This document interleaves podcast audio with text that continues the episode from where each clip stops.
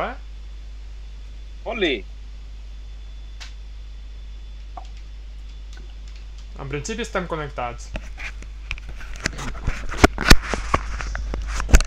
A veure... No veig res, Nacho, eh? Jo Sí, tampoc. però has de mirar el Twitch. El Twitch em fa rellotge.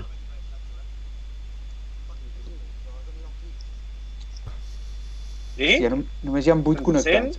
Ara em sentiu? Em sentiu bé? Sí, nosaltres sí. Tots sentiu bé? Sí. Sí. Ei, Lluís 555 se us sent. Doncs pues, uh, anem parlant tots, va, per ordre. Nacho, aviam, Vinga, parles. bona nit a tothom. Aitor, Hola, hola, hola. Vale, ja ho tinc, ja tinc el que passava. Vale, va. Ja està. David, aviam, parla, David, si de cas. Hello, hello, hello. Hola. Santi, bona nit. Hola, hola, què tal? Bona nit i bona hora. Ostres, tu, nois. Hem perdut a 15 persones pel camí, però bueno, va. O, o 30, no sé. Bueno, hem penalitzat una mica, quasi estem jugant amb la amb la- amb l'expulsió al rally ja, però... Va, ja estem, va, vinga, ja està, Nacho, gràcies. ens canvies l'Skype. Ens canvies l'Skype? Um, Ja sabem, eh, que estem en directe, nois, però hem d'anar fent cosetes. um, sí, perdoneu. Eh, ves. Doncs vinga, nois, va, començarem. De moment nosaltres anem canviant per aquí dintre l'estructura. Perfecte, perfecte, ens comencem a veure. Doncs va, som-hi! Super Vamos, jefe de equipo! Super ratll un altre cop. Què seria de tram d'enllaç sense aquestes penalitzacions? Què seria? És que us hem mal acostumat. Vull dir, vam fer un programa directe que només va fallar el Nacho a la veu i no, no pot ser, no pot ser. Doncs us penseu que, que això és com el cafè, com algú ha dit per aquí, el cafè del Merlos. Doncs pues no, pues no, això és tram d'enllaç, hi ha fallos com a la vida misma i no ens hem d'emprenyar, tu, és la realitat absoluta. Uh, benvinguts al quart programa de Tram d'Enllaç. Uh, dono la benvinguda ja a tots els participants. Nacho, bona nit, com estàs? Bo-? Bona nit, estic infartat ara mateix, o sigui que continueu amb altres perquè jo no puc. Aitor, què tal? Bona nit, com ha anat tot?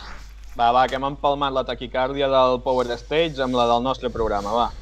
Hòstia, va, que ja arrenquem. Som-hi. David, què tal estàs? Perfecte. Perfecte, aquí no ha passat res. Vens motivat, vens carregat de piles. Vinc, vinc una mica hooligan, però bé, bé, bé. Perfecte, perfecte. I en Santi, bona nit, Santi.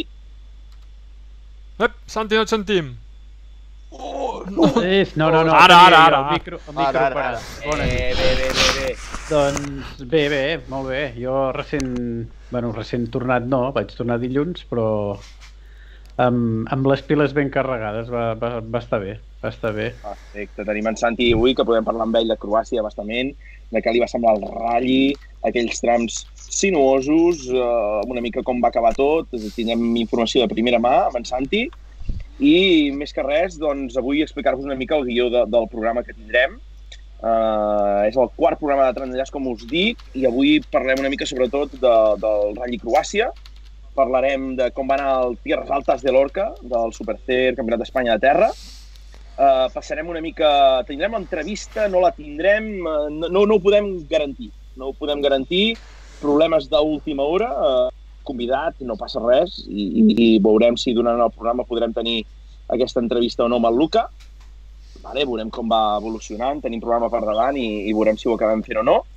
I acabarem pues, uh, parlant de la porra, i ja ho començo a avançar uh, d'una nova secció que comença avui, que es dirà Posem llum a la foscor. Mm, No sé si volem avançar alguna petita cosa, volem el principal actor d'aquesta secció, Aitor. No sé, bueno, ara de moment hem posat so a la foscor i a veure si després hi posem una mica de llum. Grande, grande, grande, grande, Aitor. Que fi, que fi, que fi. Parlarem també ja com a última part del programa pròximes proves del cap de setmana que ens ve ja cap a sobre. Uh, Rallis Ciutat de Valls, Campionat de Catalunya de Rallis uh, d'asfalt. Uh, veurem, farem una mica de, de, de prèvia, de, de principals inscrits, trams, etc. I el Rally Terres, uh, m'hi faig mal dir-m'ho, és Va, com va, el Rally d'Hongria,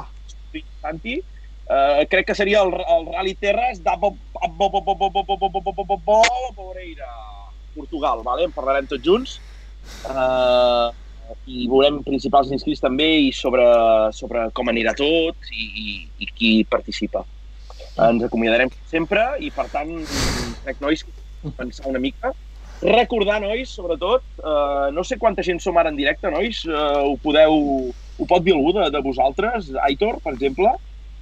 No sé, m'ha anat canviant molt el número. Ara aquí, 20, 30, 9. Bueno, 40. però ja està, ja podem marxar. Recordem el funcionament a tot, de com va això del Twitch, eh? És important una mica que, que ens anem saludant tots.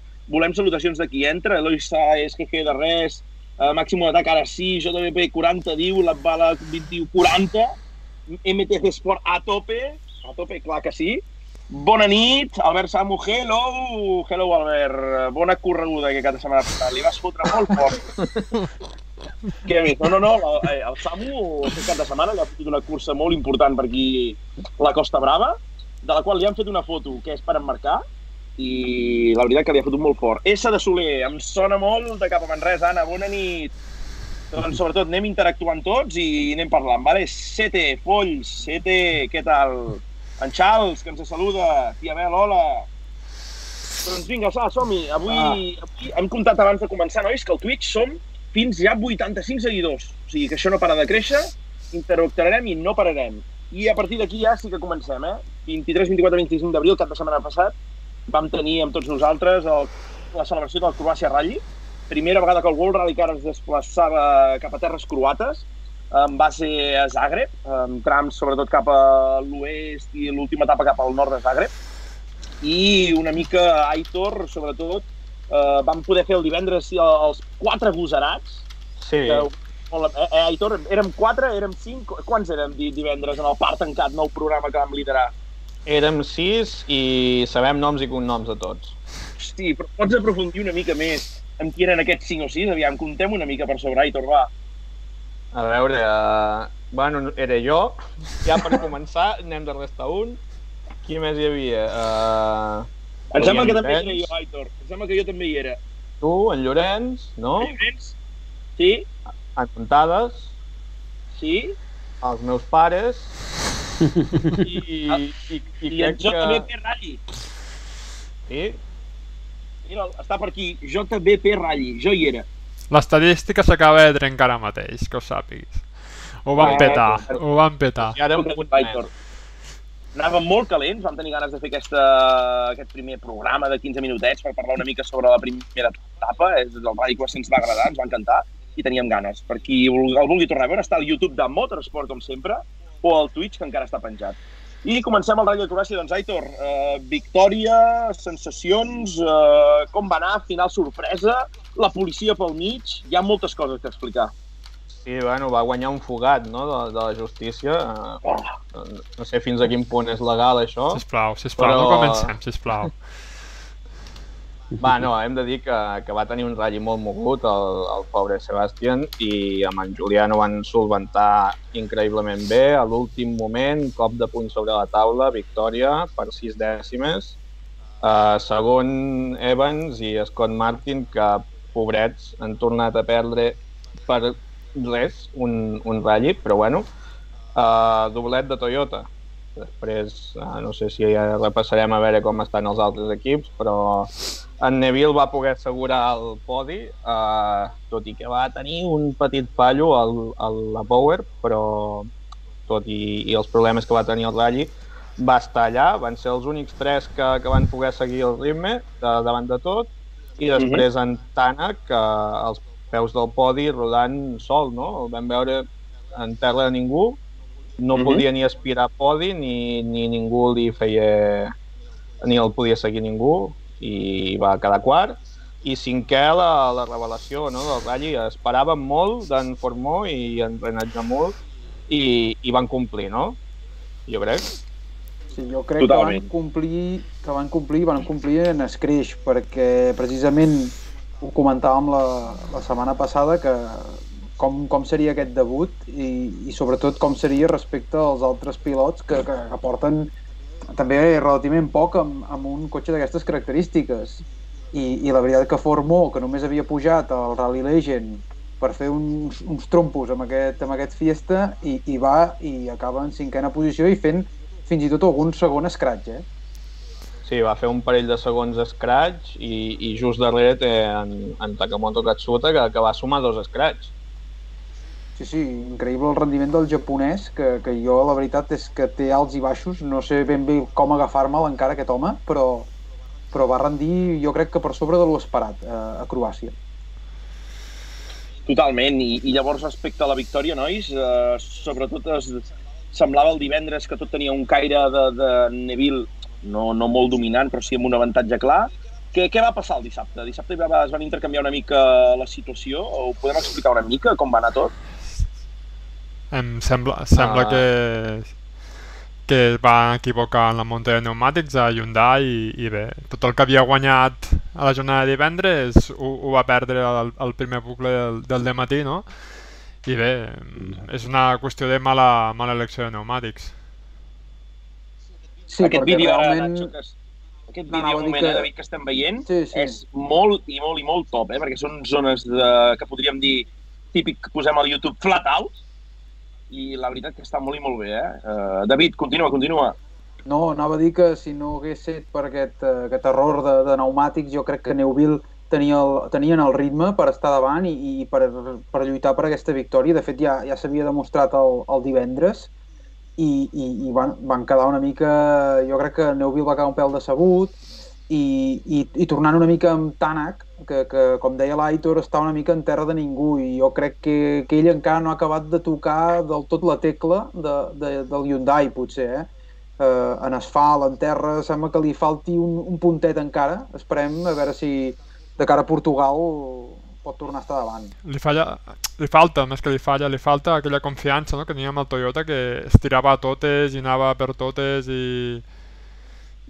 i aquest, amb el Hyundai se'l no sé veu si més, aquest- com a més, eh, més tímid, no? Amb el cotxe no es veu tirant-se tant... Clar, és que no, no sé si pesa o no pesa en la seva consciència o fins i tot en l'inconscient aquell, aquell accident al Monte Carlo. Mm. Uh, no ho crec perquè són professionals i aquestes coses mm, les, les, les saben portar, però, però sí que és veritat que, que li falta un puntet encara per, per ser davant. No. Què més? Santi, tu que vas estar allà a peu, a peu de, de cuneta, Sí. com, com vas viure el ratll? Què et va semblar a nivell de trams, de gent, de de- d'una mica tot plegat? Doncs, a veure, per començar, els trams, eh, jo en vaig fer uns quants, els vaig fer tots, no, i només parts, perquè quan anem a reconèixer els punts on anem, ens posem de meteo, a vegades eh, només hi accedim per un accés i mirem una mica als voltants. Vaig fer bastant de la Power Stage, els vaig trobar brutals perquè bueno, avui en dia els World Rally Cars allà on és més maco de veure'ls és a llocs ràpids hi havia molts llocs ràpids l'asfalt molt irregular i sobretot eren tot turonets hi havia, ara veiem mm, carretera ampla però hi havia molta també carretera estreta d'un sol carril i un sol cotxe molts interiors, però molts. I, i clar eh, hòstia, un, un ratll maco maco de veure. Pel que fa a la gent bueno van declarar el, el ratll sense públic. Sí, sí, sí. I a més a més era ratll sense, sense públic eh, amb públic i sense mascareta. Que, que estàvem nosaltres vinguent d'on veníem que més o menys aquí ara tothom està bastant conscienciat amb les mascaretes. Érem els únics que ens les posàvem perquè deia tu, a mi em, em ve un, un, un tifosi croata o hi havia algun txec, hi havia gent d'Eslovènia. No hi havia tampoc molta gent de fora i m'encomana la malaltia i si no tinc problemes més greus com a mínim em fot Portugal a l'aire. Perquè clar, entre una cosa i l'altra i nosaltres ens posàvem tots la mascareta però ells passaven de tot. Hi havia molta gent. S'ha de dir que estava molt ben posada eh, normalment. Eh, la massa estava ben posada perquè havien habilitat moltes zones de públic posaven cintes al mig del camp i la majoria de la gent estava ben posada. Però tindran un problema gros el dia que estigui obert a tothom perquè els accessos són molt complicats són molt estrets i, i, i, i si no hi ha prats, que també n'hi ha molts, i, i en allà es podia aparcar excepte el dia que van caure quatre gotes, que ja alguna autocaravana volia, volia que l'anés a estirar amb el cotxe de Hyundai. Doncs, eh, excepte això, el, el, el tema de la gent eh, va, ser, va ser molt espectacular. Clar, va ser... El, en, un dels meus companys va estar a la Power Stage a l'últim amb, una, amb un gall que després feien com un bucle per arribar al final i va dir que allà hi havia tanta gent com el, el, com el tram de Fafe de, de l'època pre-Covid. Vull dir, una cosa que, no, que, que era espectacular. Jo ho comentàvem eh, per Twitter l'altre dia, just al acabar el rally jo veient aquestes imatges vaig pensar, mare de Déu, si això a porta tancada hi ha aquesta quantitat de gent en alguns sectors, Sí, sí. el dia que s'obri la veda eh, i a més a més per la ubicació de Croàcia, que, que bàsicament centre Europa tothom es pot moure amb una revolada, eh, això queda infestat de gent i queda ple i pro problemes de seguretat, anul·lacions de tram i això serà el, el que potser pot passar l'any que ve, a menys que, que realment apliquin alguna restricció d'aquestes eh, superpotents de tallar carreteres a 10 quilòmetres de distància el, dos dies abans, bueno, Ah, Es, es notava molt la inexperiència dels organitzadors amb una, amb una organització WRC, perquè eh, el, els trams es, es tancaven dues hores abans, veia gent amunt, avall, contra tram, autocaravanes. A mi una, una, aquesta autocaravana que em va demanar que el, que el tragués estava posada en un, en un prat. Nosaltres no podem entrar al tram amb un cotxe sota cap concepte. Si, ens, si algú ens veiés, eh, és motiu d'exclusió de l'equip. I dic, no, no, si jo no puc entrar al tram amb el cotxe. Primer vaig anar a veure si el podia apretar i, i al final ja van parar algú altre. I faltaven 3 hores perquè passés el tram i, i allà es passejava tothom, els marshals no hi eren. En el, el dissabte jo estava en un lloc que hi havia tot un... Hi havia ambulància, bombers, grua, tot un, un, un pàrquing de serveis. Els hi vaig netejar tres vegades perquè arribava la gent, oh, doncs aquí mateix, i deia, nois, aquí, jo com que anava amb un, amb un, amb, amb un plano de l'organització, dic, aquí va tot això. Uh, jo no sé, no sé què penseu fer. Ah, no ho sabíem per res, perquè evidentment la gent eren molt, molt novatos. I també suposo, jo esclar no he estat mai en els ral·lis de Croàcia d'abans, que també fa temps que es fa, però és una altra, és una mica una altra història més, i, i es notava molt això. Però el, el rally en si, a mi em va semblar un dels millors ral·lis d'asfalt, veurem Ypres, perquè Ypres també serà molt bèstia, uh, un dels millors ral·lis d'asfalts que, que he vist des de que, des de que vaig uh, fent el Mundial. Per mi, per espectador, és millor que Còrsega. Caram. Déu nhi déu eh? Aquesta afirmació és... és... Que, sí, s'han és bèstia, eh? aquestes coses Sí, sí, sí. que la gent Cor- ja està traient Còrsega- bitllets per l'any que ve. Còrsega, Còrsega és un rally guapíssim, de paisatge, de, de història, de tot, però els, els trams, els cotxes no es mouen gaire i, i, i és molt ratoner i, i no és tan espectacular. Aquí podies trobar punts espectaculars gairebé a cada tram. A Còrsega has d'anar en llocs molt i molt i molt concrets perquè sigui, perquè sigui eh, tan espectacular.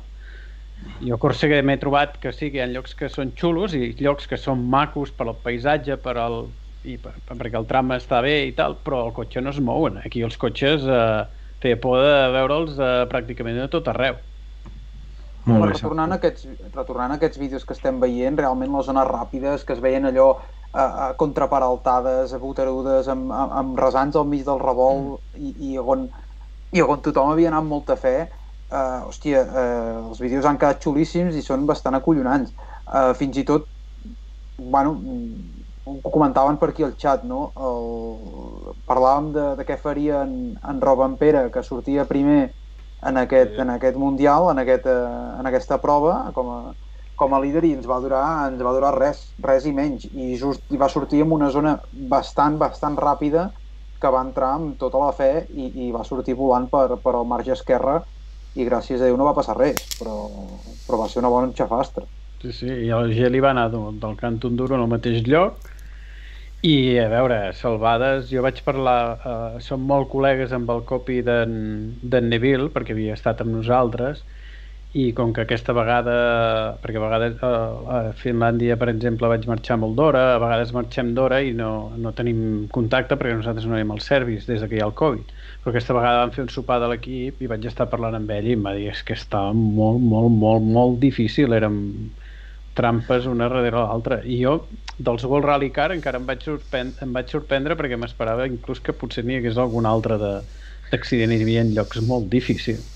Atenció, perquè al xat tenim un nou, un nou convidat que es diu Família Adamos, que diu, nois, és que apostar pel Robampera en un ratll nou, com diguem, ja us val, eh? eh? Sí, sí, nois, vam apostar pel Robampera, ja veieu que som uns grans vaticinadors. I què us sembla, noi? Parlem també d'una de, de, de, de les altres decepcions del ratll. Craig Breen, què, què, què n'hem de dir, nois, de Craig Breen? Aitor. Bé, uh, jo el, el que veig d'en Craig és que en, en moments puntuals va brillar, com a, com a la Power, va fer un temps increïble, uh, però potser no, amb certs petits problemes que se li van anar acumulant, no, no, no va trobar el ritme en tot el, el ralli i la posició en la que va quedar, vuitè, jo crec que no reflexa no, el, seu, el seu ritme. No, en, fa, que... en, fa, en favor d'en Brin, a mi el que, el que diria és que la posició de sortida no era la millor vist lo vist i, i, i com eren els trams i, i llavors que potser no va acabar de trobar-se còmode, no sé si va ser un tema de pneumàtics, un tema d'especificacions. Mm, va semblar que li costava tocar la tecla però que quan la va trobar, com deia l'Aitor, la Power eh, va fer un tros de tram no, el di diumenge no sé si va acabar algun tram i, després, i el, el primer al matí, no sé si ens ho pot confirmar el Santi, va dir, va deixar alguna cosa de problemes amb, no sé si amb la transmissió, eix davanter, des del principi del ratll, que ho havia detectat, que no sé què, com si... No ho sé, eh, el que us deia també del Monte Carlo, d'una mica expulsant-se les pusses de sobre, no? Sí, no, jo no vaig seguir més que vosaltres, al contrari, menys, perquè estava, estava en...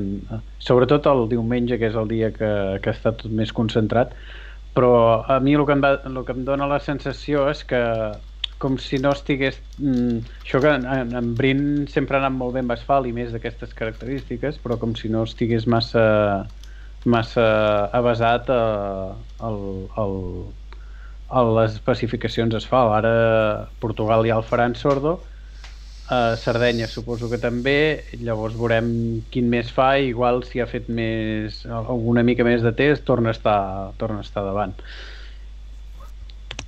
De moment en Brin se'n va fer, va, va dir l'altre dia que se'n anava a fer el, el Targa Florio d'aquí dues setmanes al campionat italià Rallys eh, que li anirà bé també per, per seguir segur. rodant en asfalt. Sí, sí, sí, segur.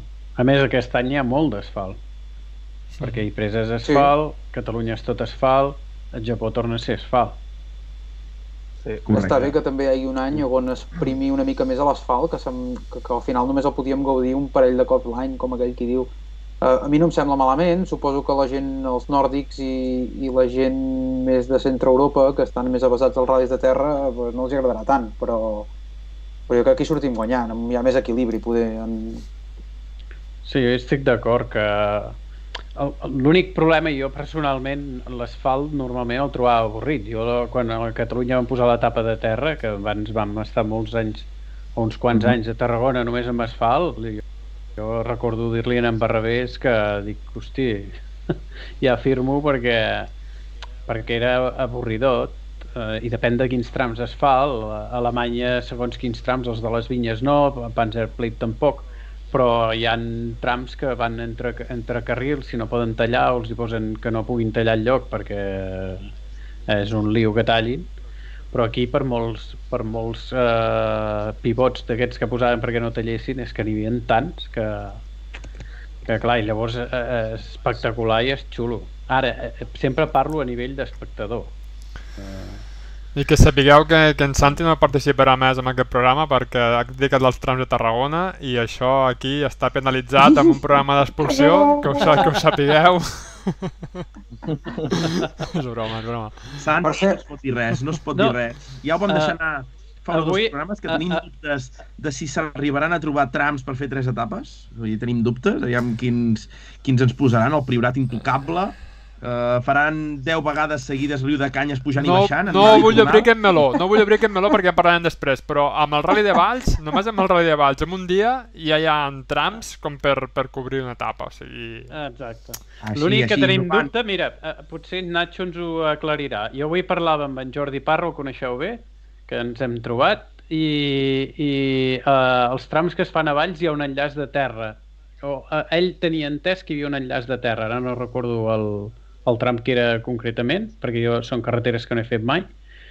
Doncs, esclar, si, si estigués asfaltat ja serien trams que, que en Barrabés podria, podria utilitzar pel, pel Catalunya.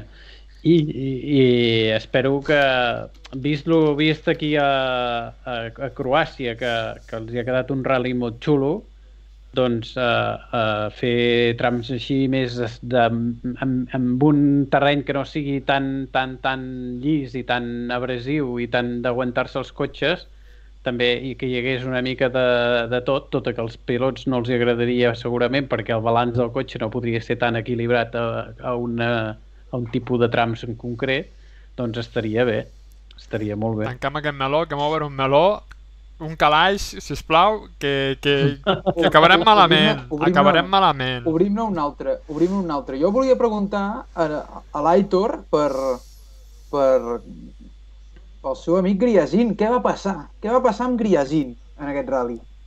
A veure, a, a veure, el meu amic Griasin el que passava és que tenia ganes de sortir en el capítol de, de posar llum a la foscor uh, i va fer un crim, va, va matar un polo, però bueno, no va ser res i, i jo crec que va demostrar que, que era el que tenia més ritme, no? Potser uh, dintre de, del World Rally Car 2, uh, competint amb equips oficials i tot i que uh, imagino que no van amb rodes velles, precisament, però, però va fer molts escrats i estava allà, no? Potser ens podria parlar en bota de, del Soninen, a veure que, com li va anar. Bé, bé, bé, bé, el temo, el temo, el temo, em temo que la va liar, em temo. És que vam veure la sortida que va tenir, no? Va començar bé, la veritat, no va començar malament, però va tenir la sortida, no sé, recordo si quart, cinquè tram de la primera etapa, em sembla que abans d'acabar la primera secció, no? Sí, sí, crec que era el quart. Em sembla que era el quart, sí, i es va poder, va poder, jo em pensava que no tornava a entrar, eh, veient el vídeo, va caure molt avall en el marge, una curva esquerra, que ja es veia una mica la gravilla de, de fora gratada, que hi havia anat algú, i, i bé, va poder tornar amb 40-50 segons, i després durant segona i tercera etapa sí que el Temo va mantenir el minut de desavantatge amb el, amb el Mats, i gràcies a, a l'abandonament del Griasin, pues, es va col·locar darrere seu, si no hagués sigut uh, mala peça el taler per al, per al de Can Soninen, el petit de Cal Soninen. Home, a veure, va fer... I llavors, nois, no, no és que no em vull deixar un tema molt important, que hem saltat el World Rally Car 2, després farem el World Rally Car 3. No hem parlat de tot el que va passar el diumenge al matí pels carrers de Zagreb. Gran tifauto, Allò- gran allò- tifauto. T'ho explico, explico molt fàcil. T'ho explico molt fàcil. Digues, David. Digues. Mira, això era un semàfor que estava en vermell i, i hi havia el senyor G amb el seu Toyota. I al costat va aparèixer un senyor que anava amb un BMW, Un macarra, Un un macarra.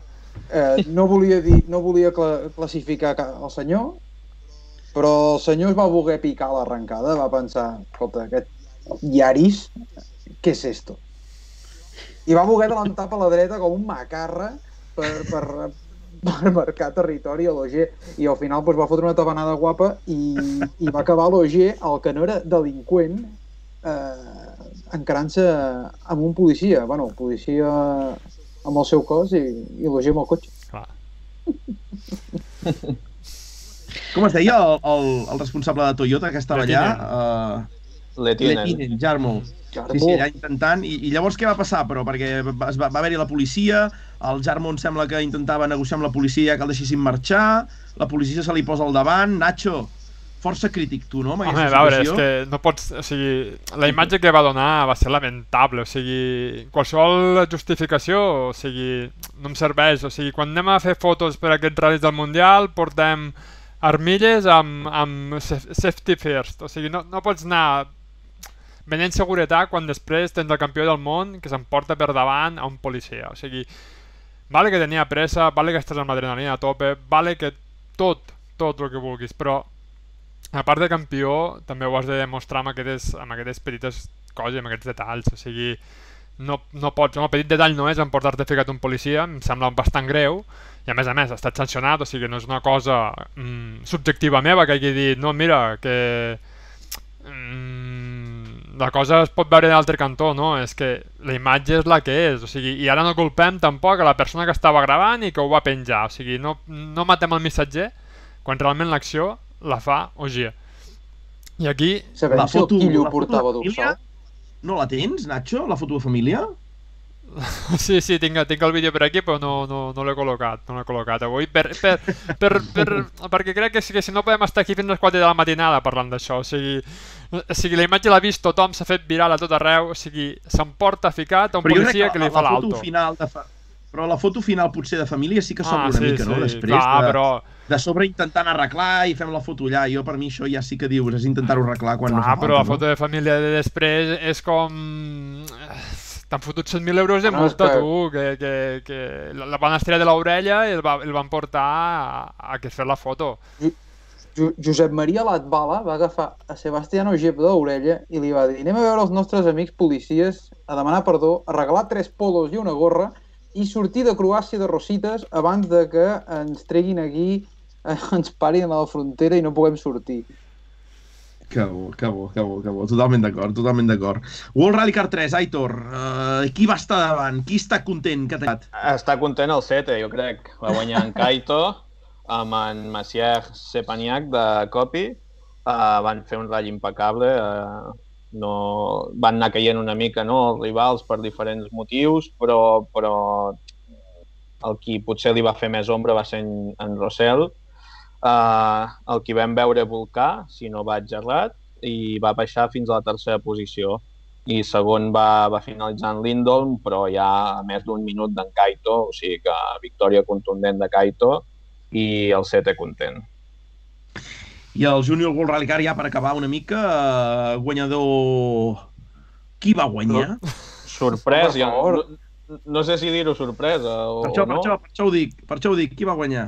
Va acabar guanyar John Armstrong eh, una mica amb una loteria de, de canvis de líder, de sortides de pista, de- d'abandonaments.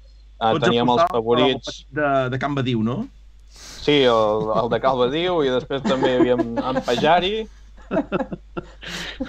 Però, però va acabar una mica amb, amb escabatxina i, i se'n va en sortir molt bé l'Armstrong. Segon en Cesc, que va salvar una mica En els Cesc? papers, no? Sí, en Cesc, eh, però el de, el de, Ah, el de la Tona. Sí, no el de Roda. Vale, vale. I tercer en Lauri Jona, eh, un finlandès més, els que, de tants que n'hi ha. Sí, no, aquí va tenir mala sort en Martin Kochi, no? que era el, el, el principal favorit, no? La- l'eslovac, que repetia en el Mundial Júnior i que anava liderant, com aquell qui diu, amb una mà eh, fora la finestra, fins que una punxada el va fotre en l'aire, li va trencar tot el rally i li va servir en safata de plata no? a, a, a l'Armstrong la victòria. Sí, sí. Perdó, perdoneu que estic rient de, de les imatges del vídeo que es veuen... És que clar, és que sembla de broma, eh? Però és que com deia el Santi, és que estem enmig d'una pandèmia, tu, i ningú amb mascaretes, que ni els controls, ni ningú, tu. Ningú, és ningú, que, ningú. tio, ningú. És que és per riure, I per clar, no el- plorar.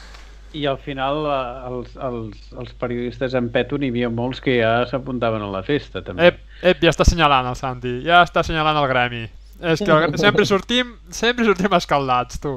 No, no, no i, i, hi, va haver, hi va haver estones que era l'únic que em portava. A veure, jo quan caminava no em portava, perquè per caminar, eh, vulguis o no, sobretot si puges alguna pujada gaire forta, però quan, quan estava mirant, agafant els temps i mirant el, el tram, mm, llavors sí, perquè és que i no em portava ningú. Bueno, els periodistes també cal dir que els fotògrafs es mouen amunt i avall i que també estaven en llocs que estaven més sols i estava mig la gent.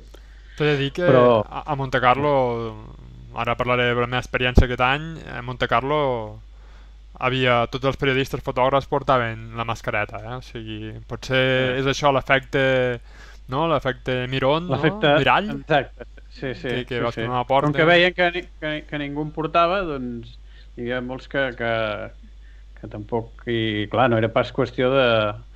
Això, això ens va impactar. Ho parlàvem molt amb el, un dels meus companys meteo que, que és més eh, que no li agrada tant ficar-se a mirar en un lloc concret o així, deia, diu, és que jo estic per quedar-me al cotxe i agafar, com que estàvem prou a prop per agafar els temps eh, des de dintre del cotxe, estava cagat. Dic, home, jo potser tampoc és això, més corria molt l'aire i això, però és clar, tu, allà enmig de tanta gent, mm, això va ser molt, molt sorprenent. I de fet, el que explicaven els croats és que ells a fora a l'exterior, perquè tu anaves per Zagreb, pel carrer tampoc la portava ningú, això també s'ha de dir, eh? que a l'exterior les mesures d'allà és que no, la gent no havien de portar mascareta, però esclar, amb la quantitat de gent que s'ajuntava hi havia llocs que hi havia molta gent, sobretot en els, en els llocs aquests espectaculars, el resant que, va, que, va, que es va sortir al, al Pajari i vaig ser la segona passada i era allà hi anava amb mascareta i era l'únic. Molt bé, no? Sí, Molt bé. Epa, epa. Doncs per anar deixant el Croàcia, si us sembla, fem un repàs de la classificació del Mundial després d'aquesta prova. No queda molt distanciat Sebastián Ogier primer, amb 61 punts. Uh, Neville el 53 segon, Elfin Evans 51, o sigui, estan igualats la, la lluita per la segona posició. Tanak 40 i Robampera amb el 0, 39. Uh, Craig Breen 24 i el Takamoto, que no sabem on situar-lo eh, encara, uh, David. Uh, aquesta Sí, però mira, espècie ara ho estava- Takamoto apareix en la segona etapa i m'ho tot. En canvi, Sí, la mira, primera... ho, estava no repassant i, i, i el nostre amic Nipó porta amb els tres proves del Mundial tres sisens llocs. Correcte. Sí, sí, O sí. sigui que, que, que, bueno, escolta, no dona aquesta aparença, però, però el tio va acabant les proves, de moment. Ja és més del que, del que feia les altres temporades. Molt bé, nois, doncs si us sembla deixem el, el Rally Croàcia per avui. Eh, portem ja una estoneta de programa. Eh, avui acabar-ho de remarcar, el disculpem des d'aquí, el convidat que teníem, eh, Luca La Rosa, Lucanen, no ha pogut venir, problemes personals, eh, d'índole laboral, vull dir, tot, tots sabem com va la feina i, i, i en aquest cas no passa res, a la propera que puguem, entrevista al canto, no pateixis, i des d'aquí ens espavilem.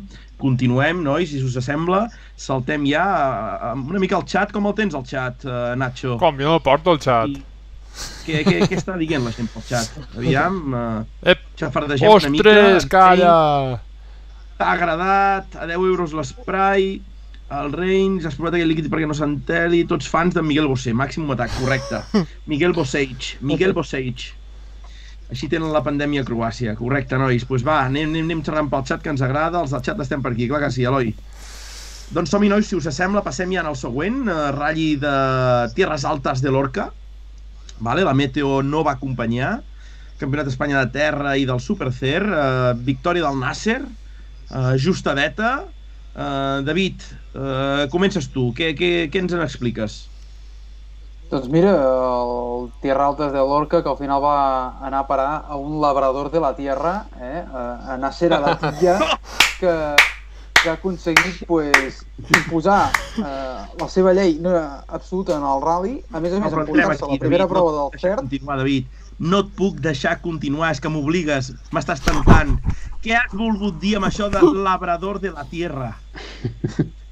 Eh, home, res, és un guinyo, és una picada d'ullet, perquè em va fer molta gràcia, ja ho explicaré, l'altre dia va aparèixer un article al Marca que feia gràcia perquè parlava de...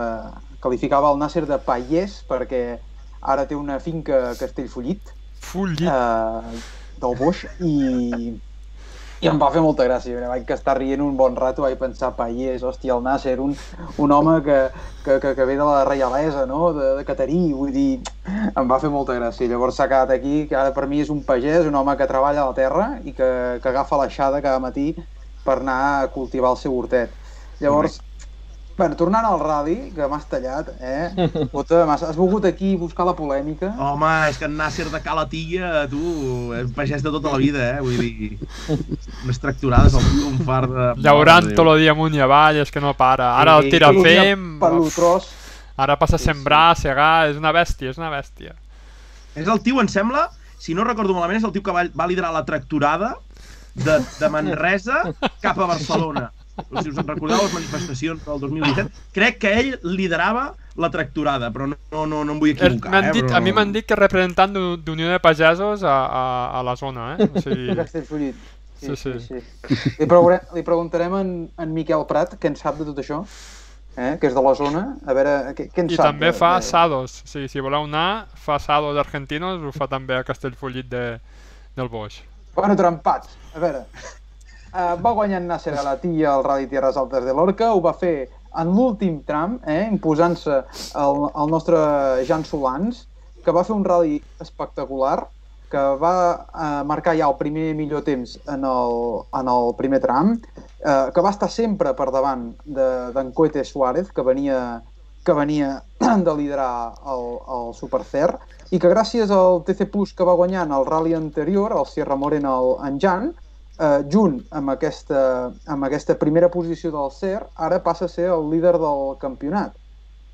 I he estat revisant una mica com és, hòstia, que en Coete, no?, aquesta falta potser de ritme en terra, i és que en Coete Suárez no ha trepitjat la, la terra des de l'any 2019, quan va acabar l'últim Rally Rack d'aquell any, eh, de, d'aquí al Mundial a Catalunya. Des de llavors no ha tornat a trepitjar la terra en competició uh -huh. oficial i, i bueno, jo potser m'esperava un palet més, no? Sent campió de, de terra l'any 2017, m'esperava que, que potser estigués un palet més, més endavant o més a prop d'en Jan. Devia ser la pintada també, David, eh? Aquell blau elèctric de l'asfalt queda preciós. I aquest blanc, ostres, amb aquell, sembla quatre pòstits mal enganxats que porti, saps? Hosti, lleig de collons, eh? Que vol que et digui, a mi no em semblava tan lleig, eh? El blanc, eh, t'he de dir. Jo, jo el blau elèctric aquell em va encantar, eh? En canvi aquest blanc així eh, quedava, quedava, quedava, quedava que li faltava una mica. A mi mentre Què porti la pegata de Rey Calvi, eh, a mi m'encanta, eh? Rey Calvi. La pegata. I, i, i bueno, llavors parlant, eh, vam tenir uns quants actors també importants en aquest rally. Eh? Eh, en, per exemple, vull destacar en Gorka Izmendi, que amb el, amb el Fàbia i amb pneumàtics MRF mm, va acabar quart, va començar molt bé la seva temporada al CERT i quedant fins i tot davant d'Ivan Ares, que va passar una mica desapercebut. Correcte. Uh, si, si és veritat que em sembla que va tenir problemes, va, va tenir, un, em sembla que era una punxada, pot ser l'últim tram. Uh, algú em va semblar escoltar. I, I bé, dels invitats de luxe que hi havia per aquí, pues, a part de Alatilla, que va guanyar, teníem la, el campió júnior de França, que s'estrenava amb un Fiesta Rally 2, pagat per la federació, i, i que bueno, va tenir problemes, no va poder fer un gran rally, però es va poder marxar d'aquest país amb la medalleta d'haver fet el millor temps just en el TC Plus del rally quan tothom s'estava jugant el, el coure, per dir-ho d'alguna manera. Eh? Correcte. Què més? Què més? Qui, qui més va poder destacar a part de Leo Sansones? Teníem, teníem algun actor principal de talla mundial com eh, Ricardito Triviño? Ricardito Triviño, Ricardito Triviño que, que, que va haver... Triviño, he dit, mare de Déu, com està la llengua, tu. És que ja està, ja està i comença a tindre son, jo penso. És que aquesta Sí, sí, penalització d'inici de, de tramo t'ha deixat fora de joc. deixat fora. No, a veure, en Triviño, en Triviño aquí tenia moltes esperances, en Bota tenia moltes esperances en Triviño, el seu retorn Sí. a, a, a les terres espanyoles. I, i bueno, uh, l'home va acabar la prova. Mm, el resultat potser bueno, va ser un desè lloc mm, bastant allunyat de, de les posicions de davant però bueno, mm, potser és qüestió de temps. Escolta, uns ral·lis més potser el veus a davant, bota i, i estàs més content i Sí, passeges amb hi va la... haver un moment que no sé amb la si heu vist el vídeo de, de, del passat que hi surt, que fa d'excavadora, eh? I s'emporta un rato una pedra endavant i la posa a lloc. Qui es va voler entretenir, eh? Hosti, que dolent. Sí, no, no, no, va ser espectacular de, de veritat. Llavors ta- també teníem, no sé si us en recordeu que vam parlar de Samsonas, el loco Samsonas. El Loco Samsonas. El Loco Samsonas va tenir problemes al primer tram, que, que, que l'N5 ja, ja el va deixar tirat, però com que llavors amb els problemes que hi van haver, que es va anul·lar la segona passada del rally per culpa de la pluja, que va quedar tot enfangat fins a dalt i bueno, vam anul·lar el tram, just quan va retornar en el tercer tram, eh, l'home es va marcar un tercer scratch amb un Fiesta N5 de, de RMC i la veritat és que va fer un, un supertemps, eh? Vull dir, Déu-n'hi-do, déu nhi I parlant dels N5, ara em ve el cap, ara em ve el cap, Sí? i s'ha de dir, i és que aquesta Copa N5 que promou RMC per aquest any, eh, el primer guanyador és en José Luis García, que és de català, és, de, és el jefe de, El camel. del Camel, i, i va ser el primer guanyador, que anava copilotat també per en Xavi Moreno, que un dia l'haurem de convidar per aquí també, que ens faci 5 cèntims de, de les seves aventures, que també és un home que pot explicar moltes coses. Hosti. No paren, no paren. Aquí el xat, aquí el xat del 7 eh, diu que els N5 seran barats però de jugat també, o sigui... Sisplau. I el Dani, que també ens remarca molts, cata molts catalans als diferents podis, no? O qui va ser, potser, dels actors catalans més destacats, eh, David? Sí, jo diria en Ramon Gené, Sí. perquè amb aquell 208 N3 jo estava mirant la taula de temps i no donava crèdit, pensava, però que aquest home, aquest, aquest N3 poder no, no, no acabarà. O sigui, no sé com estan els trams o com de complicat era la història, però els temps eren estratosfèrics. Correcte. I de correcte. fet va guanyar, eh? va quedar primer de, de la seva categoria, de la categoria N3, si no m'equivoco. Mm, Sí. Estic dient veritat, mantenir? estic dient mentides, eh? Poder, a veure? No, no, va guanyar estic la dient N3 veritat, Cup. sí. Correcte, correcte. I En després, per Segalàs va acabar... ser tercer, amb un cotxe idèntic, eh? també s'ha de comentar. Sí. Correcte. Què més a remarcar, Aitor? Alguna cosa més del ratll a nivell dels catalans? Coses que vulguis aportar? Sí, Què comentaven semblat? també pel, pel xat eh, el guanyador de, de la 2RM Proto Cup que, que van amb Fumos, en Joan Casanovas i Marquet, també dos, Oh. dos habituals, Bé, que, que vam destacar a la prèvia de que podien fer molt bon paper ja que van fer un gran test de terra a Lloret i, i Jo dubtava, eh? Jo dubtava, Aitor, quan es va suspendre el segon tram, vaig pensar que era degut a les roderes que havien fet ells, passant per la, a la primera passada. pot ser i després eh, si hi ha algú més en David ja, ja ho completarà però també comentar que sortien eh, dos equips eh, de parla catalana en, amb dos Clios eh, d'aquests nous, Rally 5 Correcte. Eh, va anar líder eh, tot, el, tot el rally en Marcel Abad, amb en Carles Cortés de Copi, però van punxar l'últim tram i al final per 9 o 10 segons va guanyar el Cito espanyol amb en Leites de Copi, el, un jove pilot eh, andorrà que promet moltíssim. Molt bé, molt bé. Molt i molt bé. A mi també m'agradaria des- destacar, nois, no sé si us ho vau fixar, eh, un 206 XS francès, Benjamin Villairet, i acompanyat per... Eh, no em surt, no em surt... Lorian Forges. Oh, des de Catalunya formem part del Lorian Forges Fan Club. Una noia molt trempada i a la qual tenim molt apreci des de, des de que la coneixem del Vallespí i ha corregut molts anys amb 106, Clios N3, etc. I aquí venia a fer de copi i totes les nostres salutacions i petons de part dels tibats. No, no, res més, David, volia fer aquest apunt. Continua tu, David. Continua tu. Anava a, dir, anava a dir que ho podies fer en francès, perquè millor si arriba a traspassa fronteres eh, t'entendrà millor. Bonjour, beaucoup de bisous per vous. Lorient. Ja, ja, prou, prou, prou, prou. David, No, res, alguna cosa jo- més tu que Sí, vulguis jo remarcar? volia apuntar una cosa. Digues. Eh, bueno, a part de que ara la, el pròxim rally del Super Fair, si no m'equivoco, és el, és el rally de Deje, no vull mentir, estic mentint? Eh, no, no estic mentint, és el rally de Deje, que és d'aquí 15 dies. Eh, arribarà, suposo, no sé si anirà en, en Jan Solans, però si hi va, perquè aquest calendari és molt llarg, eh, però si hi va i anirà líder, i a part de destacar això, m'agradaria també destacar la realització. No sé si ho vau poder seguir el rally, però jo crec que la Federació Espanyola eh, va fer, un- està fent esforços per retransmetre en directe. Va millorar el Fins i tot, Sierra Morena? fins i Va tot hi va, haver un, hi va haver un tram que es va donar en directe per Teledeporte i, i bueno, jo crec que, hòstia, que i, és un pas endavant respecte a lo que estem acostumats, que, que puguem disfrutar mm, d'un campionat nacional on ja comencen a donar-se trams en directe per Teledeporte. Va ser qüestió de mitja hora, només vam veure les primeres espases, però, hòstia, jo crec que, va, que, és, que és un camí pues, molt interessant a seguir. Ostres, ostres, ens estan punxant, David. Ens estan punxant des del xat. I és que el Charles demana si ens està encara patrocinant Cooperativa Riudecols. I tant que sí. No, però... Dels canalots. Amb Ja, fulla tornat a garrafa enxufar de 5 propaganda. litres per 33 euros, denominació d'origen Ciurana. Som-hi, nois, seguim. Seguim, seguim, seguim, seguim. Doncs res més, no sé, nois, el, el, si us heu pogut veure els vídeos, ara tenim el de, el d'AD Racing aquí, amb, amb problemes amb el, amb el Citroën. No, no. Sí que hi ha el tall, volia fer l'apunt, no sé si en Sete encara ens acompanya per aquí, en Joy. La part ràpida que es veu és, és, és espectacular. Hi ha una part ràpida que ve sobretot el, el, el, el Jan com un boit i després el coeta també se'l veu passar. Per cert, Que se'l, sobretot a mi em va pensar mm, som Nacho pues, una mica també com el Mundial, eh? De, de, dels primeres espases que passen a un nivell i després veure passar pues, el cinquè o el sisè que en les esquerres ràpides que desapareixen pues, ja aixecaven un pèl més, eh? No sé si us heu fixat, si sabeu de quina ràpida parlo. Sí, és un vídeo que no hem col·locat perquè no ens volem buscar enemics.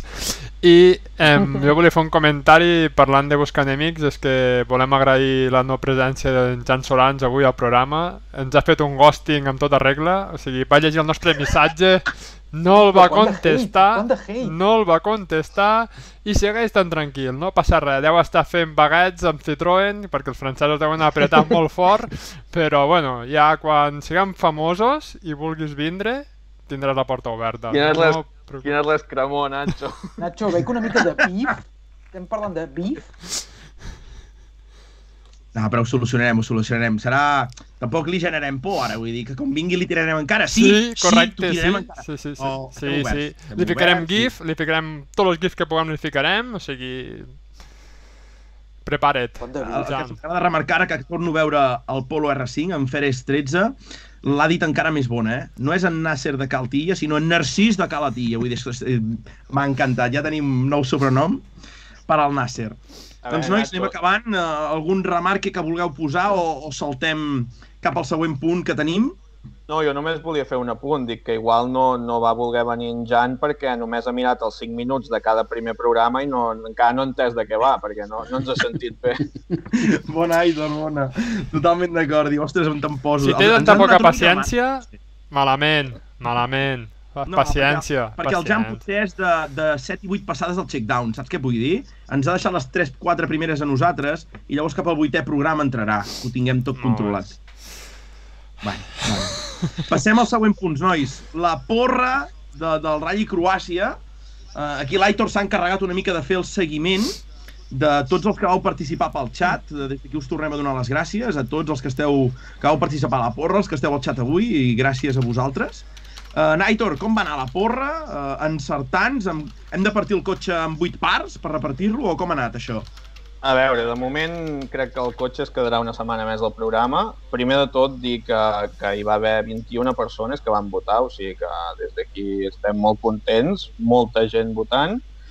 I després hi va haver moltes aproximacions, vam tenir diversos Ogier Evans Tanak i diversos Ogier Neville Evans, però que jo sàpigui, eh, si ho he vist bé, eh, suposo que ho vaig veure bé, ningú va donar el clau de Ogier Evans Neville. Per tant, què hem de fer? Hem de guardar el cotxe, l'hem de partir en tres o quatre trossos, què fem? La guardem, Nacho, la guardem, no? El guardem per la propera prova a Portugal i, i el sortegem, no? Doncs vinga, nois. Merci a tots per haver participat. Guardem el, el Fiesta, el tenim per aquí. Aitor, el podem tornar a ensenyar per posar No, no. dentetes? No, no el tenim per aquí. Ui, No tenim aquest ja l'he venut no. per eBay, No, per Wallapop i no tenim cotxe. No el tenim per aquí, no el tenim per aquí. No L'important és participar, nois. I tant que sí. I tant que sí. Doncs vinga, nois, tornem. Uh, hem parlat de la porra, que era una de les novetats de l'últim programa. Però és que en aquest programa tenim una altra novetat avui. I estem parlant de la secció Posem llum a la foscor. Aitor, què ens n'has de dir d'aquest punt? A veure, uh, intentaré no fer molt el pena. No, home, no. Uh, a veure si el Nacho... A veure, podem fer una tot- prova amb la gent tot- del chat, si us sembla bé. Vale? Vinga, Sí, fot-li. fem, fem primer una prova, sí. Fem una prova. Espera, eh? He de canviar, he de canviar la llum. La policia ha muntat un Molt dispositiu per detenir A veure. de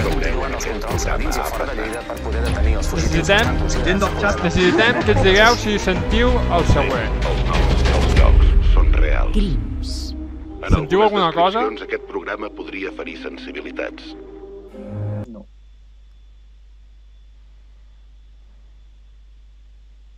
S'ha sentit alguna o no? Sisplau, Digue'm. necessi- necessitem confirmació. alguna, Dani? Sentim lo de Crims! Sentim lo de Crims! Bé, bé, bé, bé, bé, bé. Bé, bé. Crims, Crims. Bueno, Vale, bueno, va. bueno, bueno, bueno. A veure, Nacho, com ho fem, eh? Tens el primer àudio, eh? Com apretant a plus. que mal. Eh, comencem? Nacho, ah, és el primer, eh? Àudio? Comencem, sí. Vale, va, a veure com surt això. Tot el que veureu en aquest programa ha passat. Els fets, els noms i els llocs són reals. En algunes descripcions aquest programa podria ferir sensibilitats.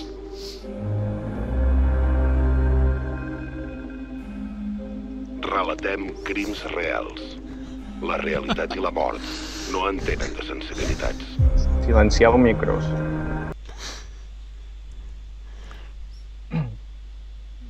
Hola a tothom.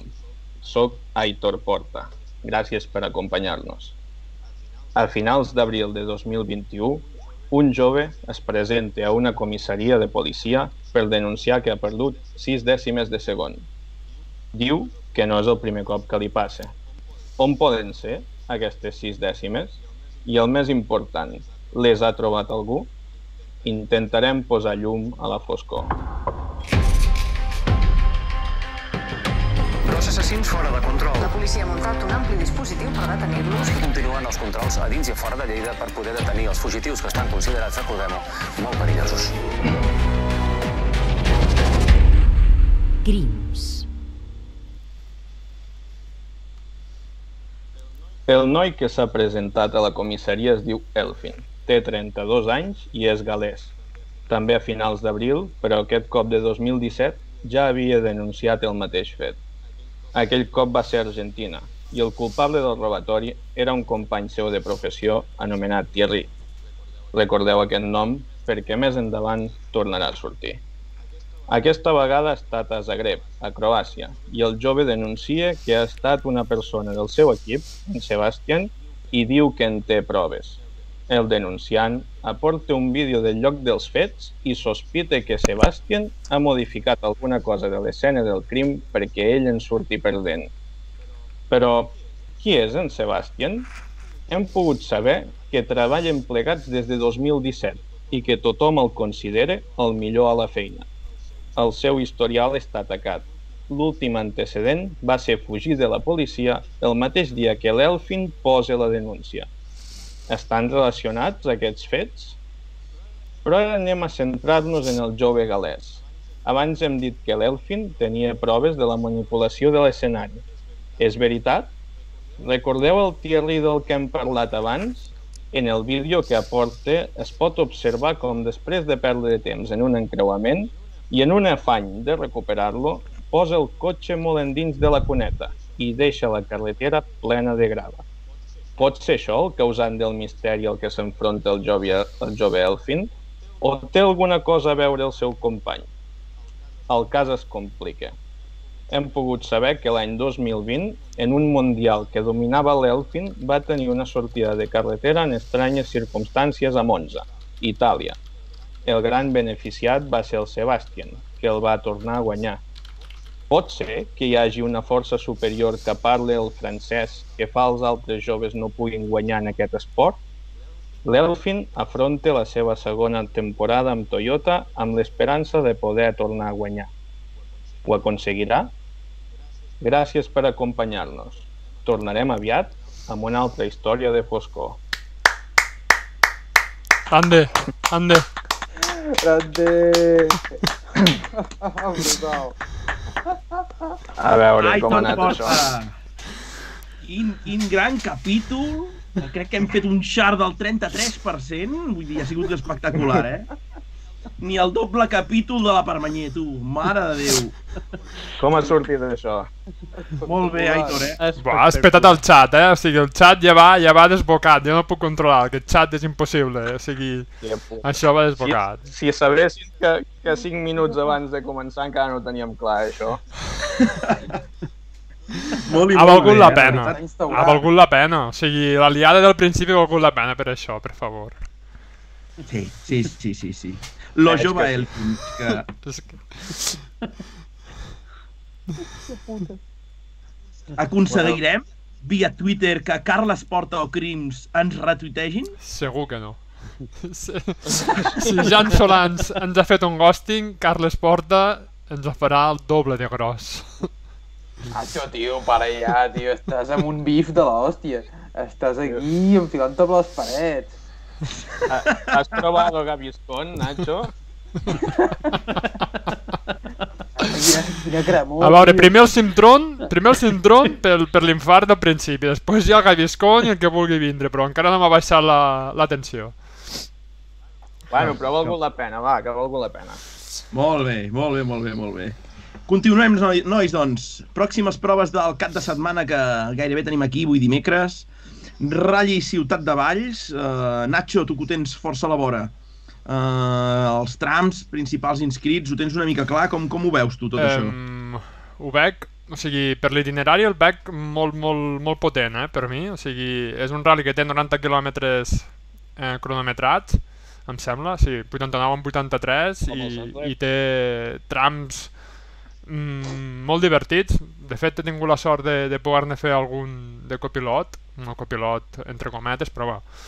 I bé, comença a les, a les 10 del matí, comença amb el tram del tallat, després fan Senan i després acaben amb el bucle que va a Forès i bé, em, algú pot ser Senan li sona perquè els equips del, del Mundial venen moltes vegades a provar amb aquest, amb aquest tram es repeteix eh, el bucle després eh, fins al migdia i després canviem, canviem de- d'ubicació, ens movem més, més a prop de Valls, a, amb trams, potser aquest tram també és prou conegut, que és Can Ferrer, i també es fa el tram, un tram que es diu Les Pobles, que, que surt molt a prop del...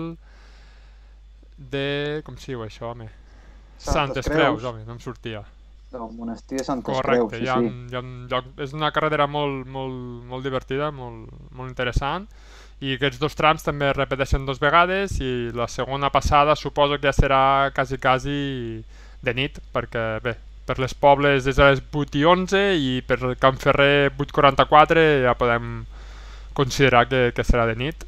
I, I bé, com us he dit abans, a mi em sembla que és un itinerari, uns trams, un quilometratge inclús, que, que és digne de, d'una prova de, de coeficient me, més alt, eh, inclús.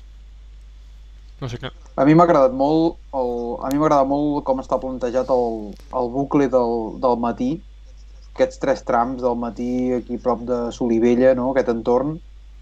Hòstia, em sembla que són molt, molt bones carreteres per, per córrer i fer ral·lis. De fet, ho comentàvem abans amb en Santi, no? Eh, que com que el Catalunya fins i tot podria plantejar-se una vegada pujar fins aquí de la Valls perquè hi ha carreteres que són molt, molt xules. Sí, sí. Com, com anem llançant idees en, en en Jordi Barrabés des d'aquí i tornem a apretar una mica. Uh, Nacho l'haurem un dia d'aquests, no? Voldrà, voldria venir, no? Parlarem clar amb ell, com, com ho veus? No ho sé, haurem de parlar amb ell a veure què, què li sembla. Però això sí, l'haurem de trucar 10 minuts després de començar el programa, que hem superat ja els problemes tècnics, perquè si no... No, no, no podrem retindre aquí, eh? Si ens veu tan amateurs, dirà, nois, tot el camp.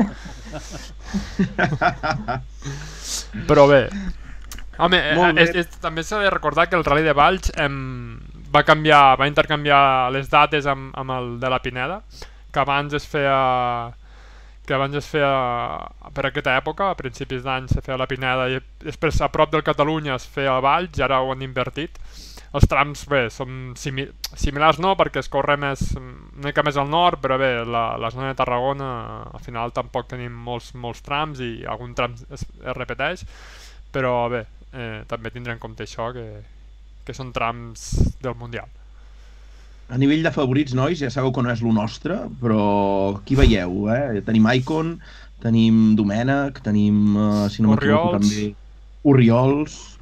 Qui, qui, qui veieu de principal favorit? Alguna sorpresa hi pot haver? El temps? La, la meteo què pinta també? Pluja, no? Per dissabte donen pluja. Dissabte pluja. Ai, ai, ai, ai. Dissabte pluja i pot, ser, pot estar delicadet, eh, el tema. Eduard Pons també surt amb l'Escoda, amb l'R5, Correcte. Em, bé, mm, hi ha bona llista per... De davant ja Sí. tenim els, els principals protagonistes i els tenim tots junts, així que estarà bé eh, apropar-s'hi a, a fer una ullada després de tants mesos sense ral·lis, no? O sense ral·lis i sense lliure mobilitat, la combinació de les dues coses. Doncs...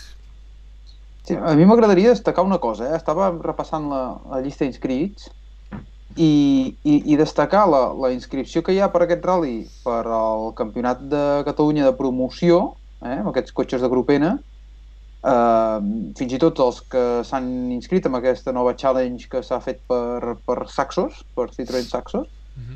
eh, hi ha, realment hi ha una inscripció bastant nutrida i en canvi eh, en el volant RAC eh, aquest any eh, veig que només hi ha 5 cotxes, em sembla, he comptat 5 5 Sí, vehicles sí, sí. que em sembla... Diria que hi ha set inscrits, eh, per això. Sí? Diria que... Sí. L'última llista només n'hi havia 5. No sé, pot ser... A l'última llista n'hi ha 5, que és la que estic mirant Els- perquè no ha sortit la... deu sortir demà. Sí, la No ha definitiva. sortit, no ha sortit l'oficial, però, però bueno, res que pitjor que això. Eh, sembla que el Campionat de Catalunya Promoció aquest any s'hi ha animat més gent, no? O, o què? Sí, això sembla i esperem que sigui una bona plataforma perquè la gent pugui córrer a un preu assequible i, i pugui fer mans pels, pels nostres trams, no? Al final es tracta d'això. Què més, nois? Doncs estem parlant de, del Ciutat de Valls ja per anar acabant.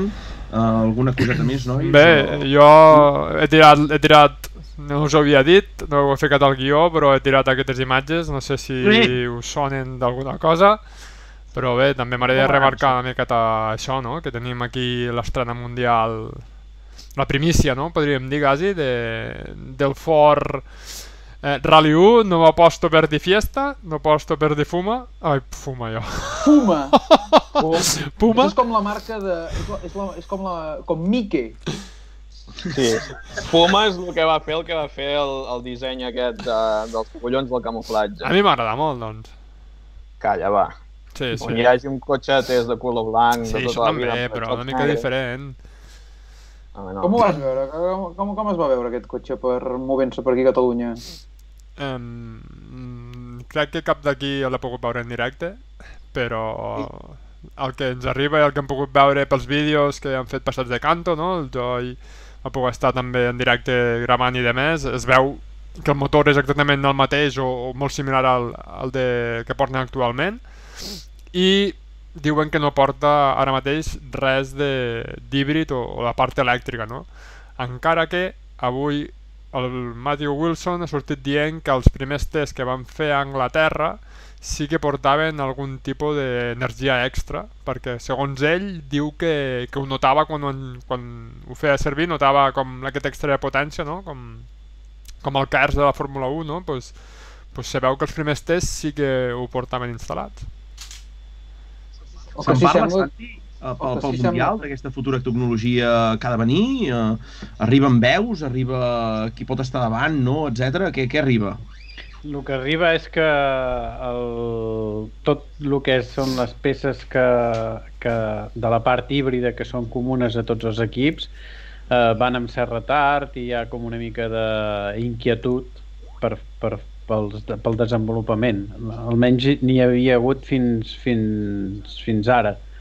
Uh, per lo que jo he sentit a dir tant de Hyundai com d'algun altre equip doncs bueno, semblava que hi havia un, un, una certa un cert neguit però a part d'això si seran més competitius si no tampoc no jo no n'he escoltat res Bé, el, el Lluís aquí ens comenta que les fotos que han arribat d'Anglaterra no hi havia la, refre la refrigeració a la part del darrere, no? O sigui, això pot ser també...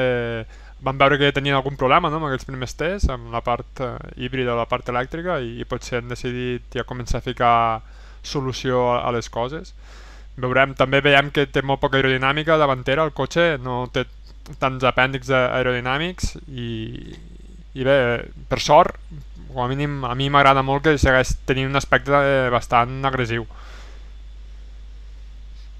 Sí, sembla que potser sí. estiguéssim provant temes més de, de dinàmica, no? O què? Perquè veig que aquí la... I, i es comentava també per internet la, la, les barres aquestes de, de protecció, no? Que, que, que estan disposades diferent de lo que, o, o dona la impressió de que estiguin disposades que diferent. Em dóna la sensació que el cotxe que estem veient i el quin seran seran com una una castanya. Sí, molt eh? bé. No sé, no sé per què. Molt d'acord, sí, sí. No, no, no encaixa no, del tot aquesta, aquesta, aquesta carrosseria, no sé, no s'acaba de veure del tot clar com, com serà el cotxe, però... Bueno, de fet, Ford també va ser, es va adelantar en el, quan va canviar la reglamentació el 2017 i el 2016 ja va venir a Catalunya simplement amb un cotxe de, amb l'estètica del 2016 i amb parts mecàniques de 2017. Jo crec que aquí han fet el mateix i que acabarà sent una cosa completament diferent. I, I de fet, vam és curiós perquè vam triar una zona molt propera, no?, als trams que, que estan aquests dies també. Al final sembla que més Sport té molta confiança en fer rodar els seus cotxes per aquí a Catalunya. Correcte, correcte. Per aquí el xat, nois, ens comenten en Lluís, en canvi les fotos que han arribat a Anglaterra no hi havia refrigeració per darrere, que és el que has dit Nacho. Charles, a la barra del costat del pilot porten una llum verda gegant. No sé si també podríem comentar el mític tema de Forocotxes. Portaven la llum a davant aquella blanca, la llanterna aquella? No, La Pipe Bender! no. Sí, no la portaven. Bueno, deixem-ho estar, no ho sabem. I JBP Rally han hagut de tornar kits per problemes, diuen. Sí, això és veritat. Eh, 177 mini Antoine i motors d'hidrogen com Toyota. Aquí ho deixem, veurem el futur de l'especialitat cap, que, cap a on ens depara. Eloi Saez, creu que vindrà alguna marca nova amb el nou reglament?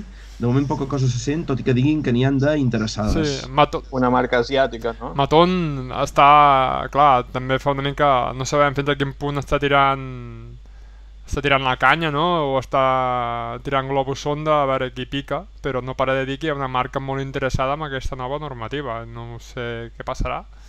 Però, de fet, el mateix matí que van sortir aquestes fotos, la FIA de seguida va treure un altre una, un comunicat dient que les marques, Hyundai, M-Sport, Ford i, i Toyota, estaven completament involucrades amb, amb aquest tema de, del canvi a, a l'híbrid i el Rally 1, perquè hi havia hagut rumors de, amb aquesta eh, tornada del kit eh, híbrid, hi havia rumors de que es podria retrasar una miqueta o retardar un any l'entrada en vigor d'aquest- d'aquesta normativa i, i bé, eh, de seguida M-Sport va sortir dient que si retardava un any Ford no, Sí. ho, no ho recolzaria i Toyota tres quarts del mateix i, i de fet la setmana següent, que és aquesta, ja la FIA ja ha corregut a, en publicar que, que la normativa segueix vigent i que el 2022 tindrem cotxes nous i normativa nova. Caram. I un canvi, Nacho, una de les marques que he sentit, després del Rally Sprint de Calafat, que s'ha pronunciat fervorosament eh, per introduir-se amb aquest tipus de cotxes, és Nissan. Nissan, després de veure l'actuació del Nissan Micra a Calafat, vol apostar fervorosament per la introducció d'aquest model al Campionat del Món. Aquí ho que deixo. I m'han arribat aquestes Jo crec informacions que via el Twitter. construiran també a la planta de Barcelona, aquest cotxe. M'han arribat informacions Sí. que, que construiran allí el cotxe. Què més, nois? Doncs passem al pròxim ratll que ens queda aquest cap de setmana, Rally Terres de Boboreira, Portugal, campionat de ratllis de terra més Peugeot Rally Cup Ibèrica. Um, David, uh, què ens n'has de dir d'aquest rally? Principals inscrits, uh, qui tenim? Catalans també que tenim per allà? Sí, no? I doncs, mira, el Terres de Boboreira, que començarà al nacional portuguès, i, i que, com sempre, a Portugal hi ha molta qualitat en els, en els pilots de davant, eh? A part de, dels mítics Araujo, Magallanes i, i, i tota aquesta tropa que ja tenim coneguda d'anys i panys, eh, eh, José Pedro Fontes i tota aquesta tropa, també hi ha un, una inscripció internacional, per dir-ho així, no només espanyola, sinó que, per exemple, podrem veure com desembarca Ole Christian Baby amb, amb el Hyundai, suposo que per fer quilòmetres, Uh -huh. com amb els mateixos Hyundais també apareixen en el becat de la Federació Irlandesa, el Josh McErland, i llavors, eh, bueno, cal destacar la presència de Pepe López amb Diego Vallejo, que començaran la seva temporada oficial amb, amb el Skoda, amb el Skoda Fabia Rally 2, amb el qual intentaran fer unes quantes proves del Mundial de Rallys, que això va conèixer aquesta mateixa setmana, Correcte. amb Pepe López, amb el Rally Team Spain, amb el suport de, de Race 7 Teo Mar- també, I de Doncs, Teo bueno, Martín. Teo Martín, sobretot. i de, Te- i de Teo Martín, sobretot, eh, intentaran fer aquest, aquest salt al, al Mundial, no? No sé com hi anirà, però bueno, comença aquest cap de setmana, jo crec que és un dels favorits a la victòria, eh, en Pepe López, perquè és un home ràpid, i, i llavors, naturalment, en Christian Baby i en Chris Ingram, que, que va debutar després de molt temps eh, parat a Croàcia i que, i que ara el veurem també a, a Portugal amb un, amb un Fàbia, fent, fent mans. I, i- i respecte a la participació catalana, o, o, o ja no, què m'has de dir de- del nou equip eh, portuguès de Pepe Baixes? Hòstia puta. Pepe, ba Pepe Baixos. No, no, doncs el Pep Bassa jo crec que surt com un dels principals favorits de la, de la Copa Ibèrica, que aquest any té un superpremi, que és una temporada eh, amb, un, amb un C3 eh, Rally 2, si no m'equivoco. Eh, és un superpremi, llavors en Bassas tindrà gran competència perquè entremig hi haurà l'Alejandro Cachón, que és el, que és el becat de- d'enguany de, de la Federació Espanyola i que anirà a córrer l'europeu, i és un, un xicot molt, molt ràpid, que s'adapta- s'ha adaptat molt ràpid també al 208, per tant jo crec que estarà davant. I llavors eh, s'haurà de veure si hi ha algun altre pilot que, com en Xema Reyes o l'Alberto Monarri Sí. que, que, estiguin, que estiguin a davant també. Què dius, Aitor? Què, què et sembla realment? Qui, qui, per qui apostem realment? Sí, no, jo crec que és bàsicament el que ha dit eh, el David, no? Eh, En Pepo té un, té un ritme brutal, ve de, de fer l'europeu, i després eh, el que ha dit ell, en Cachón ha demostrat que, que està fent els passos molt ben fets i, i amb, amb un ritme increïble. I després tenim els, els de Terra Training Motorsport, que han alineat tres cotxes aquí, amb, amb el Xema Reyes i el Monarri i en Kevin Guerra, i després eh, algun portuguès, no? Potser el Pedro Almeida per repetidor Mhm. o... Segur que estarà davant. Correcte. Correcte, i ara estava buscant perquè, si no m'equivoco, eh, hauria de participar, sí, mira, el guanyador de l'any passat de la, de la eh, Peugeot Ibèrica aquest any disfrutarà d'una temporada al campionat portuguès de, de ral·lis, si no m'equivoco, o no, farà algunes proves sueltes del campionat portuguès i llavors no sé si fa proves del, del campionat de Madeira o, o és el de les Açores, sempre em perdo amb les dues illes. En Pedro Antunes, que... Vist? Bé. Antunes. Eh, David, David, Bota? Bé, Doncs que, que, que va demostrar també un superritme l'any passat, aquest any es queda pues, a Portugal amb un Rally 2, però bueno, també és un superpremi, jo crec, eh? correcte, nois. Doncs res, eh, acabem aquí una mica ja tot el que volíem parlar en el guió que teníem una mica que anem treballant durant la setmana. Ja arribem a la part final. Eh, nois, eh, quin guió, quin guió treballem, per favor. Va! per favor. Des de dijous, divendres, dissabte, tot el diumenge, si us en recordeu, no vam ni dormir. Vull dir, això va ser un... eh, En Santi tornava amb l'avió dilluns, acabant allà d'escriure tot. Ostres, en Santi realment no va poder dormir l'avió, eh? I, bueno, hem, hem repassat tot el guió una mica, ja des d'aquí començar-nos a acomiadar. Uh, Nacho, com ho has vist avui? Va, ens hem tret una mica el neguit de començar o què? Jo és que no, no puc amb la meva vida. És que si un altre programa així i a mi em trobeu, és que... Uf, a crematori, ja, perquè és que no pot ser. Però molt bé, ho hem remuntat i, i, i bé. Espera, Aitor, espera, espera ho un moment, espera, espera, perdó, perdó. Aviam. A veure. Avui no hi ha adamòmetre i no se'n parla més, d'acord? Oh! Hòstia. Avui no... Setmana que ve, setmana que ve tindrem La setmana adamòmetre. que ve, més i millor. Ja pot continuar. I tant. Aitor Porta, què tal ha anat això? Bé, no? A veure aquesta secció, si la podem anar introduint cada setmana, buscarem capítols nous, eh, intentarem mantenir l'audiència enganxada eh, als crims i, i bé, jo crec que ens ho hem passat molt bé, que és lo important i, i ho hem salvat força bé, no? Que aquesta, aquest so que ens ha faltat al principi.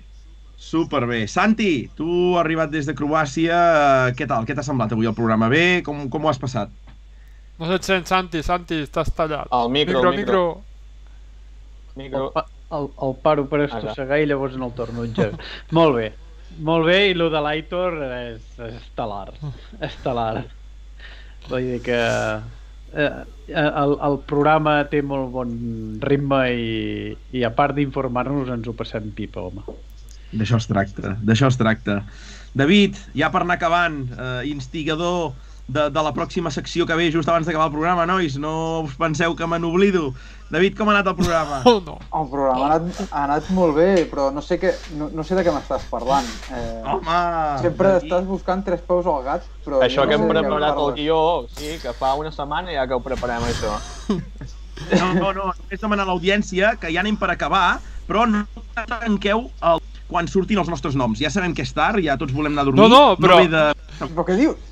No ve És de que- 20 segons, però No. deixarem anar unes lletres i heu de saber que ja tenim himne. A tram d'enllaç ja tenim himne.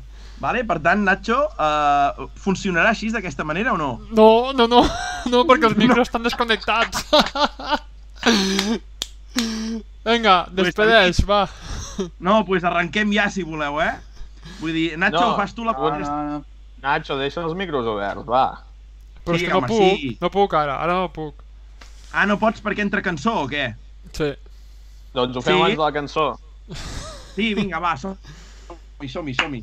Santi, tu has de fer l'última part, que és el lo, lo, lo, lo, vale? I el, aquí te- t'ajudarem tots, aquest home? vale? Què? Vale, vale. Llavors, Nacho, comences tu. Uh, Aitor, tu la segona estrofa, jo tercera. En David, que és el crac de, de la música, fa la quarta i ens ajuntem tots, Hòstia, vale? jo no sé ni quin era, eh? Ja, ja no me'n amb, recordo de res. amb el lo, lo, lo, lo, despedirem ja, nois, vale? Vinga, va, som-hi!